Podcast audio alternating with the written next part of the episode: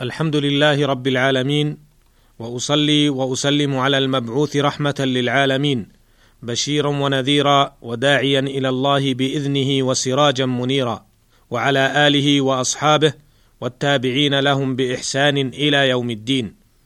أما بعد أيها المستمعون الكرام السلام عليكم ورحمة الله وبركاته. ابتدأنا الحديث في الحلقة السابقة عن حديث ابن عباس رضي الله عنهما في بعث معاذ رضي الله عنه إلى اليمن.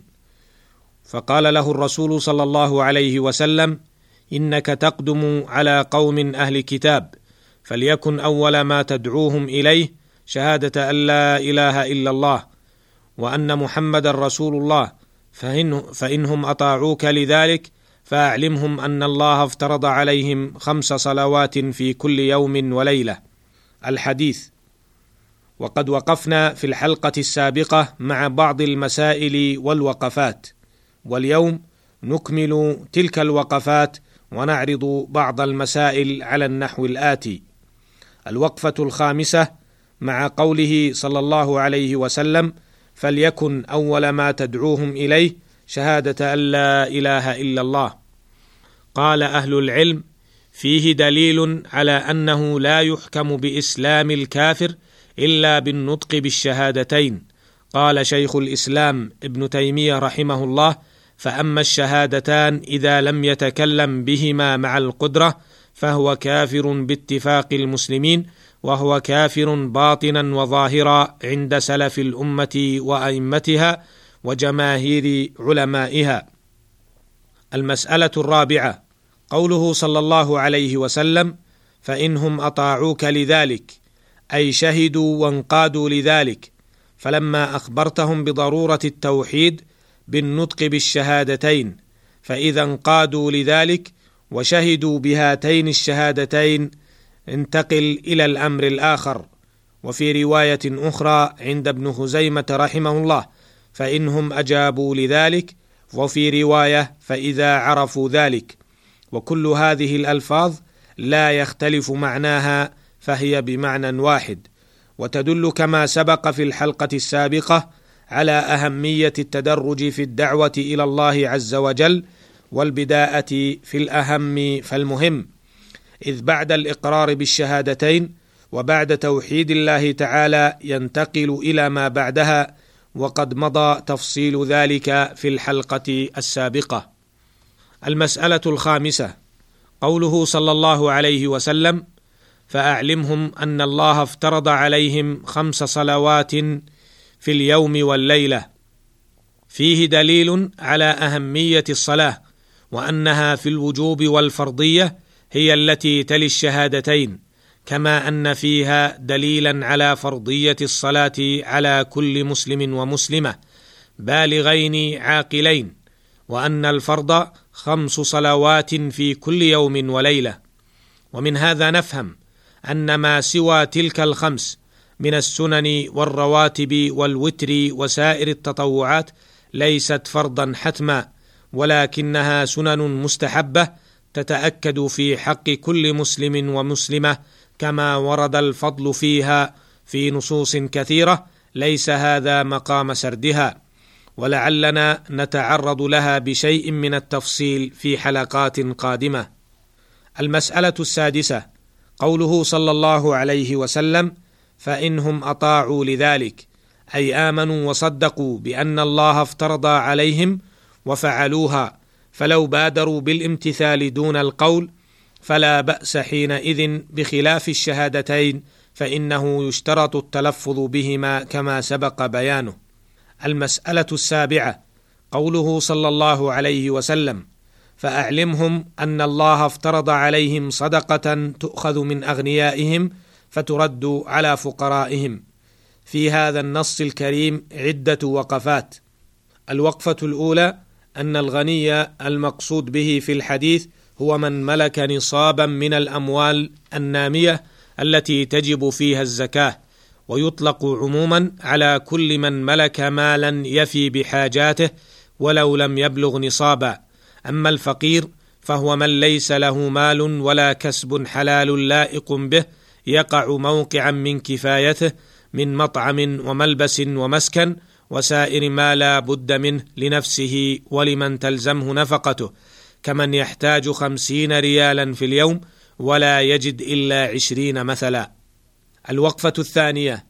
استدل كثير من أهل العلم بقوله صلى الله عليه وسلم فترد على فقرائهم أنه يجوز إعطاء الزكاة كلها أو بعضها إلى صنف واحد من الأصناف الثمانية المذكورين في قوله تعالى إنما الصدقات للفقراء والمساكين والعاملين عليها والمؤلفة قلوبهم وفي الرقاب والغارمين وفي سبيل الله وابن السبيل.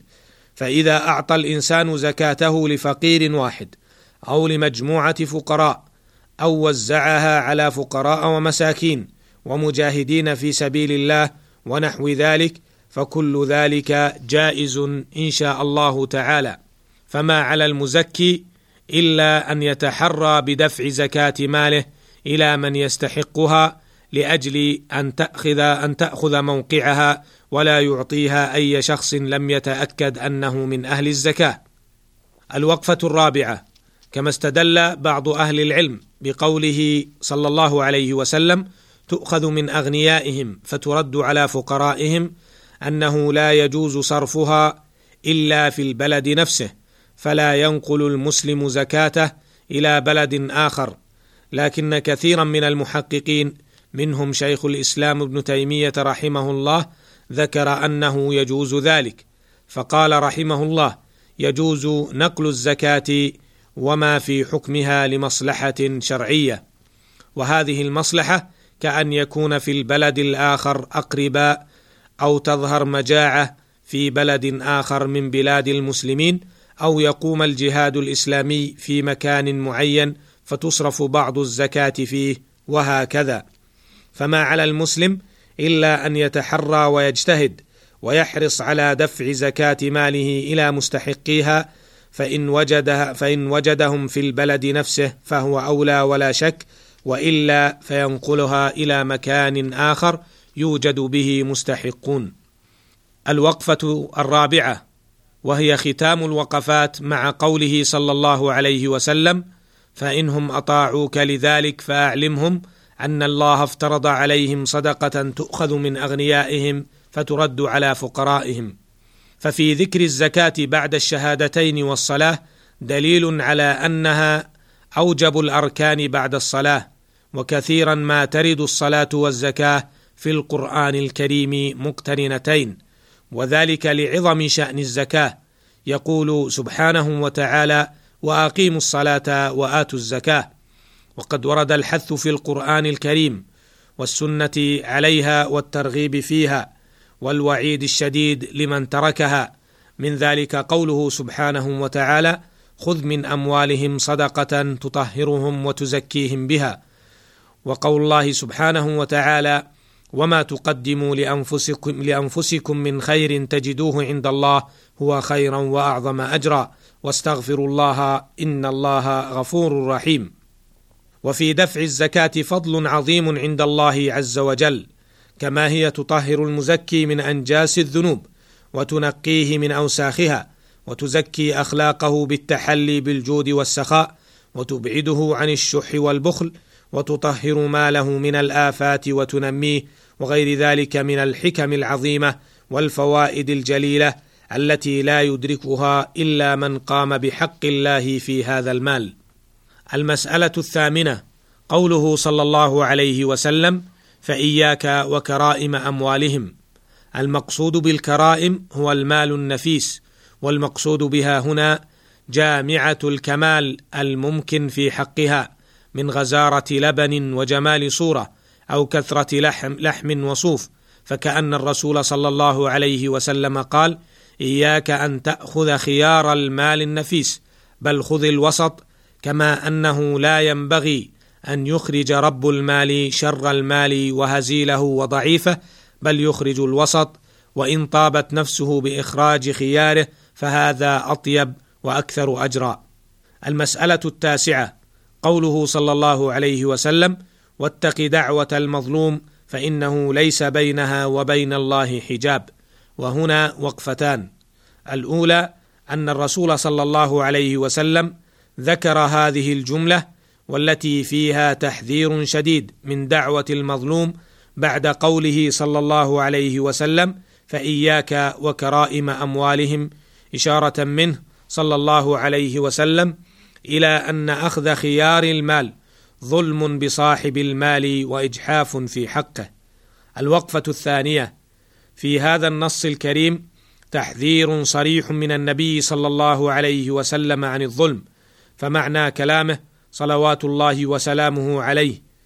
احذر دعوة المظلوم واجعل بينك وبينها وقاية بفعل العدل وترك الظلم لئلا يدعو عليك المظلوم فتستجاب دعوته فليس بينها وبين الله حجاب بل يقبلها سبحانه وتعالى.